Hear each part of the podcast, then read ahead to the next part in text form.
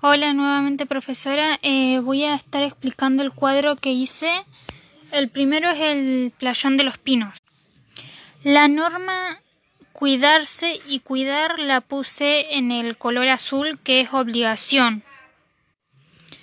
En las indicaciones y precisiones puse un, un mini resumen de lo que hay que hacer en cuidarse como usar barbijo, mantener la distancia mínimo dos metros, etc.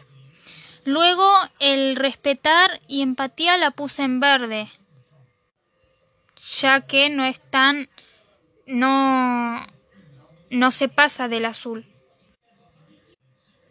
Tiene menos importancia que el azul, me quiero referir. En el comercio de Carrefour pasa más o menos lo mismo. Cuidarse lo puse en el azul, ya que es una norma de obligación que rige en todos los en en todos los países, al igual que Argentina. Y respetar perdón, me faltó una. Cuidar, cuidarse y cuidar lo puse en azul. Luego eh, respetar lo puse en verde. Espero que esté bien el cuadro. Yo lo entendí que había que hacer así, posicionar nuestras normas en el cuadro.